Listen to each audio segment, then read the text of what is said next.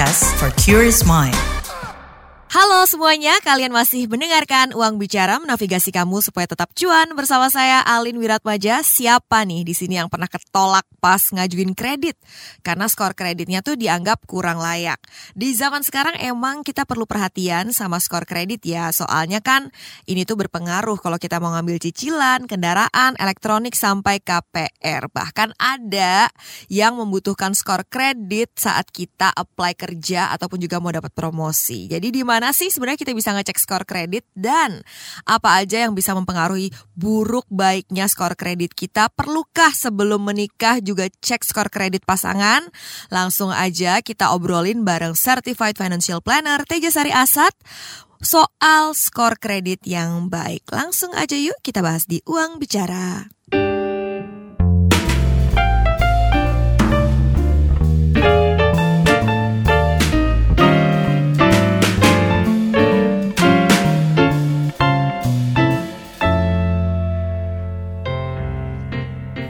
Halo teman-teman. Podcast Uang Bicara. Hari ini kita mau ngomongin soal pentingnya cek skor kredit. Kenapa sih kita perlu uh, aware kayak gitu soal skor kredit kita? Kita bakal ngobrolin dengan seorang Certified Financial Planner Mbak Teja Sari Asad. Halo Mbak Teja Sari Halo Mbak. Saya manggilnya enaknya Mbak Sari atau gimana nih? Teja, Teja. Oh Mbak Teja, justru nama depannya baik. Mbak Teja. Buat yang belum terlalu familiar dengan konsep uh, skor kredit, boleh dijelasin nggak mm -hmm. Mbak? Iya, jadi skor kredit itu kalau kita sering dengar sih, kalau dulu istilahnya uh, eh, BI checking ya, kalau iya. kita sering dengar dulu. Terus terakhir itu kalau di Indonesia sekarang pakainya istilahnya slick gitu untuk ngecek kita tuh ada di kondisi bagus atau jelek gitu. Istilahnya gitu ya. Jadi itu adalah kode atau skor yang kita punya ya data di OJK itu datanya kita apakah kita dalam kondisi keuangan dianggap mampu membayar cicilan hutang atau enggak gitu. Jadi skor itu menunjukkan kemampuan kita untuk membayar hutang sebenarnya. Kemampuan untuk membayar utang. utang. Oke. Okay. Selain lewat Slick OJK, mungkin ya. apa lagi nih di mana sih kita bisa mencari atau mengetahui uh, skor kredit kita, Mbak? Mungkin dari di OJK sendiri biasanya kayak gimana sih kita prosedurnya okay. untuk bisa dapat skor kredit kita?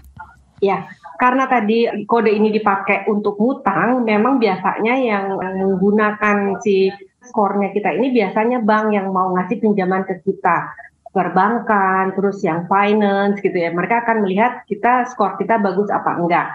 Nah, memang skor itu kita bisa melihatnya di OJK. Kalau boleh sekarang istilahnya tuh ada informasi slick yang ada di kita bisa masuk ke dalam OJK namanya IDEPU ya. Itu riwayat kredit informasi debitur di uh, jadi di websitenya OJK kita masuk ke riwayat kredit informasi debitur. Tapi selain di websitenya OJK kita juga bisa masuk ke beberapa website lain yang menyediakan data itu. Nah, cuman memang tadi data itu biasanya dipakai karena kita mengajukan pinjaman nih, misalnya kita mau ngambil KPR, kita mau ngambil pinjaman kendaraan. Nah, pihak bank atau pihak yang mau ngasih pinjaman ke kita akan ngecek, nih orang ini nih bagus apa enggak ya? Bisa bayar cicilan kita apa enggak ya gitu. Terus cicilan yang lainnya dia lancar apa enggak? Kayak cicilan kartu kredit gitu. Kalau misalnya lancar bagus, wah berarti dianggap bagus maka bisa dikasih pinjaman. Tapi kalau dinilainya jelek maka bisa jadi dikasih tapi mungkin bunganya tinggi gitu karena udah masuk kategori harus kita jaga-jaga nih jangan sampai uh, cicilan yang uang yang kita kasih pinjaman yang kita kasih nggak bisa dibayar balik gitu. Oke, berarti salah satu fungsinya untuk kita mengetahui ataupun juga kapan sih dibutuhkan skor kredit kita ini pada saat kita mau mengambil utang atau pembiayaan ya Mbak hmm. ya.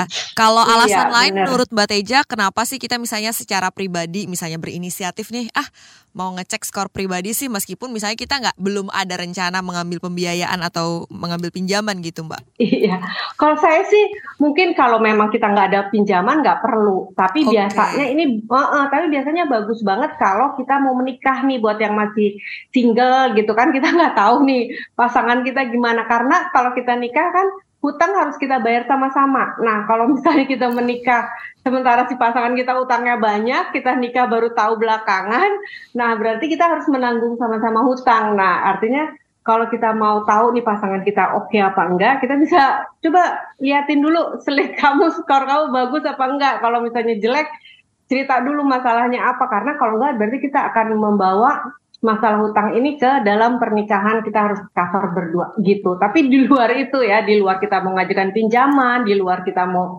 menikah, sebenarnya nggak ada kebutuhan apa-apa kalau kita nggak mau mengajukan pinjaman gitu. Jadi nggak ada dari sisi keuangan lainnya nggak ada gitu. Oke, menarik nih. Perlu cek skor kredit calon pasangan kita pasangan. gitu ya kalau iya, mau menikah. nggak cuma cek kesehatan fisiknya. Apa sih yang misalnya ini tuh red flag mbak? Skor berapa sih atau di level apa sih? Ini kita kayak harus hati-hati deh ini sama calon. Iya. Iya jadi tadi jadi kolektibilitas istilahnya ya kolektibilitas itu ada lima. Yang pertama itu yang paling lancar itu skornya satu. Tapi yang macet itu skornya lima. Nah ada pertama tuh lancar, yang kedua itu dalam perhatian khusus, itu di mana kita udah nggak bayar selama tiga bulan gitu, itu dalam perhatian khusus. Nah setelah itu kurang lancar tuh kode tiga istilahnya ya kurang lancar itu dalam waktu tiga bulan sampai empat bulan kita nggak bayar. Yang keempat diragukan itu dalam 4 sampai 6 bulan, nah barulah macet kalau udah 6 bulan nggak bayar.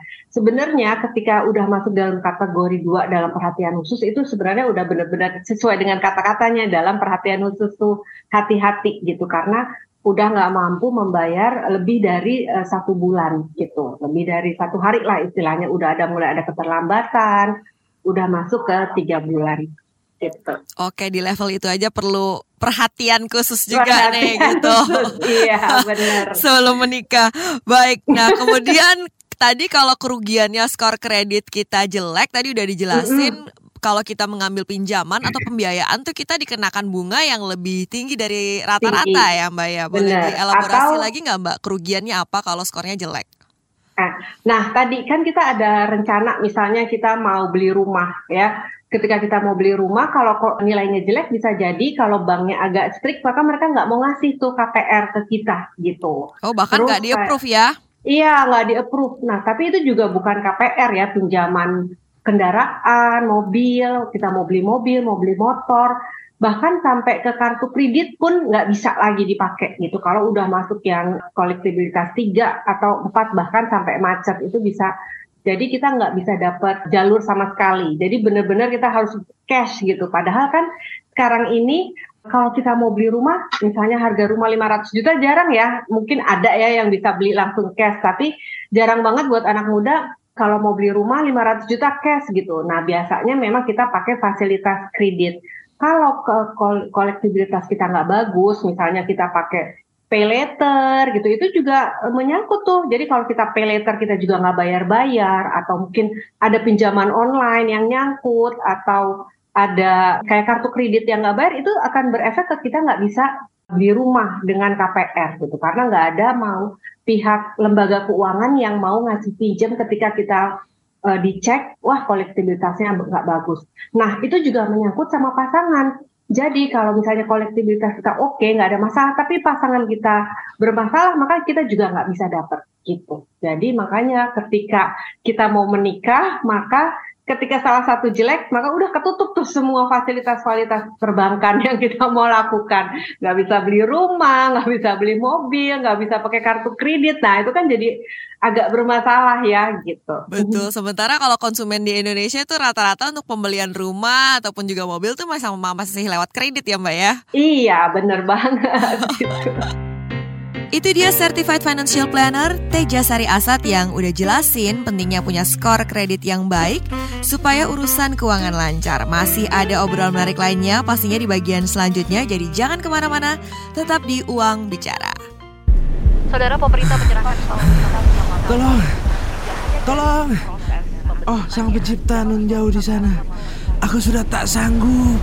Sepertinya ajalku sudah dekat. Oh, Isabella kekasihku. Maaf, Kakanda melanggar janji. Kakanda tidak bisa mempersuntingmu. Wahai anak muda, nun jauh di sana. Bertahanlah. Kami, kesatria Homo sapiens, datang menyelamatkanmu. Oh, sang pencipta. Akhirnya kau jawab doaku. Isabella, Kakanda datang. Aduh, udah sini buruan. Nggak mau kan tenggelam dalam derasnya arus informasi? Makanya dengerin FOMO Sapiens, jalan pintas yang nggak bikin kamu ketinggalan berita atau peristiwa di sekitar kamu. Bersama saya Ian Hogan. Dan saya Aika, hadir setiap Jumat. Simak hanya di kbrprime.id dan di platform mendengarkan podcast kesayangan kamu.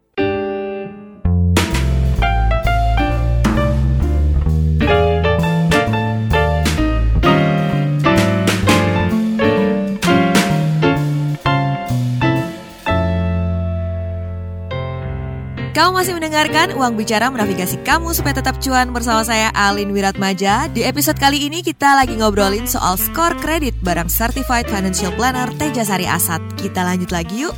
Berarti kalau misalnya kita mau skor kredit kita tinggi, nah kalau misalnya nggak ada catatan sama sekali di skor kreditnya, artinya emang dia nggak pakai kan ada emang ya segelintir orang yang emang dia nggak pakai Bener. kredit, dia nggak pakai pinjol apalagi gitu. Kemudian juga mungkin belum di tahapan yang ngambil Nah, pokoknya Oh, nggak punya pinjaman-pinjaman, nggak ada data catatan. apa-apa iya gitu iya, ya. itu malah bagus Nah, apa gimana sih sebenarnya Mbak? Justru nggak bagus juga, susah Oh. juga ya perbankan Indonesia. Jadi mereka nggak bisa ngelihat data kita tuh sebenarnya apa, nggak ada tuh. Jadi eh, wah kamu nggak ada sama sekali di slik nih, saya nggak bisa ngelihat kamu tuh bagus apa enggak. Jadi justru malah susah, repotnya gitu ya. Jadi ada beberapa klien saya yang akhirnya dia bikin kartu kredit dipakai secara lancar tiga bulan aja. Nah barulah dia punya data slik yang bagus. Nah setelah itu baru mereka bisa ngambil KPR gitu. Jadi justru mereka butuh track record ya, track record tapi track recordnya maunya yang bagus.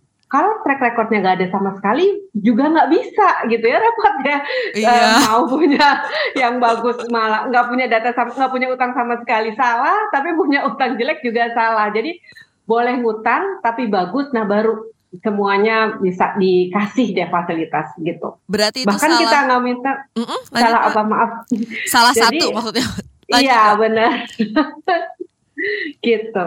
Jadi kita punya data atau bank bisa melihat data bahwa kita orang baik gitu ya, bukan orang yang nakal. Nah baru mereka mau ngasih pinjem.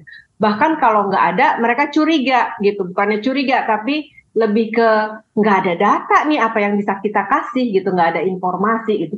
Kok heran ya zaman sekarang orang nggak punya kartu kredit, kok heran ya gitu. Jadi mereka malah membuat jadi kita nggak bisa jadi susah juga. Nah itu sih jadi eh, akhirnya harus punya data, harus punya data klik tadi, tapi bagus gitu. Baik, berarti itu salah satu cara membangun skor yang skor kredit yang tinggi, yang bagus kayak Iya, gitu. Ada benar. cara lain lagi nggak, Mbak, yang mungkin bisa di-share ke teman-teman podcast Uang Bicara untuk membangun atau mempertahankan skor kredit yang baik? Ya, tadi sesederhana itu kalau kita punya, kalau kartu kredit kan bukan hutang ya, lebih kepada pemakaian. Jadi kita misalnya kita punya kartu kredit, udah data kita udah ada tuh di OJK, kita pakai beli apa aja 100 ribu aja, terus akhir bulan gajian kita bayar 100 ribu, pakai lagi 100 ribu eh, bulan depan kita bayar, nggak ada masalah, nggak ada keterlambatan, nah itu cara yang paling gampang. Atau sekedar tadi, misalnya kita biasa pakai pay letter, nggak apa-apa, pakai aja 50 ribu, tapi bayar 50 ribu tapi bayar. Nah itu cara yang sederhana di, di luar daripada se, sebesar KPR. Kalau KPR kan udah besar ya, misalnya pinjam beli rumah 300 juta gitu ya, cicilan besar itu eh, adalah eh, PR lagi tersendiri buat kita. Tapi sesederhana itu kayak kita biasa pakai. Kalau pay letter kan juga sama pemakaian. Yang penting ketika jatuh tempo kita bayar. Kartu kredit juga sama kita pakai itu kita bayar. Nah itu sederhana itu sih untuk menjaga si skor kita ada di level yang bagus gitu. Baik, dulu-dulu kan pernah ya Mbak ada yang viral sampai nggak bisa keterima kerjaan atau gagal promosi kayak gitu di sejumlah Mm-mm. institusi atau perusahaan yang memang memerlukan eh, syarat skor kredit yang baik gitu untuk mendapatkan Ya. pekerjaan ataupun juga untuk mendapatkan promosi. Nah biasanya apa aja sih kesalahan-kesalahan yang dilakukan oleh masyarakat itu yang membuat akhirnya skor kreditnya tuh berantakan sampai akhirnya tadi menutup pintu rezeki ya untuk mendapatkan pekerjaan ataupun juga promosi. Ya itu ketika kita punya pinjaman maka kita nggak bayar tepat waktu itu sudah memberikan kayak semacam rambu-rambu. Rambu-rambunya itu sebenarnya bukan cuma sekedar data di OJK tapi juga rambu-rambu buat bank yang ngasih pinjam ke kita bahwa orang ini bukan orang yang komit gitu ya, nggak punya komitmen untuk membayar sesuai dengan yang disepakati lah gitu ya, sesuai dengan aturannya gitu. Jadi itulah yang jadi uh, tanda buat mereka. Nah, buat kita sendiri fasilitas bank itu adalah suatu fasilitas yang memang cukup di sangat dibutuhkan gitu ya buat kita untuk bisa punya rumah, untuk bisa punya apalagi kalau kantor itu mereka bisa melakukan pengecekan juga. Biasanya mereka minta khusus tuh untuk bisa melakukan pengecekan secara langsung gitu ya ke orang-orang pegawai yang mau masuk. Nah, tadi jaga tadi skor kredit itu dengan cukup baik walaupun kita hanya pakainya sedikit tetap dibayar on time. Begitu kita males bayar istilahnya gini, oke okay, uh, eh, saya punya 100 ribu ah nanti aja deh bayarnya bulan depannya lagi toh 100 ribu kali dua kali tiga tiga ratus ribu entar-entar aja gitu ya. Nah itu yang berpengaruh karena entar-entar aja yang dua bulan terlambat tiga bulan udah langsung jadi catatan. Mereka nggak lihat jumlahnya ya. Oh ngutangnya cuma 50 ribu nih enggak nggak ngeliat jumlahnya tapi ngelihat eh, apa namanya hmm, komitmen kita untuk membayar tepat waktu. Jadi walaupun cuma 50 ribu tapi kita tepat waktu itu udah baik. Daripada ah lima puluh ribu ntar deh kalau udah enam bulan aja aku kumpulin tiga ratus ribu nanti bayar sekaligus nanti. Nah itu menunjukkan kita tuh nggak punya komitmen yang baik gitu ya nggak punya karakter yang bagus deh secara keuangan. Berarti nggak lihat nominalnya ya? Oh misalnya sampai saya cicilan KPR rutin kok, tepat waktu uh -uh. kok gitu. Cicilan mobil tepat waktu kok. Cuma yang kecil-kecil uh, tadi pay kelupaan. Uh -uh. Itu uh -uh, ngefek bener. ya? Efek banget, iya. Jadi tadi balik lagi bukan jumlahnya, tapi tepat waktunya yang dinilai gitu. Oke, ketepatan waktunya tuh yang lebih menentukan kalau gitu ya. Sebagai penutup nih untuk uh, kita hari ini boleh dikasih closing statement nggak Mbak Teja? Boleh dibilang kita ini hidup di dalam dunia uh, atau di dalam sesuatu lingkungan keuangan yang memang kita sangat support dalam uh, proses peminjaman. Kayak tadi kalau kita mau beli rumah, mau beli motor atau kendaraan yang memang kita perlukan, terus juga fasilitas keuangan lainnya, maka data kita itu akan dipegang oleh pihak perbankan atau lembaga keuangan lainnya. Maka jagalah skor kita akan tetap baik dengan menunjukkan bahwa kita komitmen untuk melakukan pembayaran sesuai yang memang telah disepakati dengan tepat waktu. Jangan jangan mengabaikan, jangan mengabaikan walaupun kecil, jangan mengabaikan hal kecil itu karena begitu kita dapat nilai jelek untuk memperbaikinya itu akan perlu waktu dan tidak mudah ya karena tadi uh, ketika kita udah dapat skor jelek, kita perlu waktu lagi untuk bisa memperbaiki. Sementara ketika kita ada kebutuhan, nah itu jadi akan menyulit, menyulitkan kita, mempersulit kita sendiri. Bukan cuma buat kita, tapi buat pasangan dan juga buat keluarga. Makanya tadi ketika kita mau menikah pun kita harus cek pasangan karena walaupun kita baik tapi pasangan kita jelek, kita juga akan terganggu.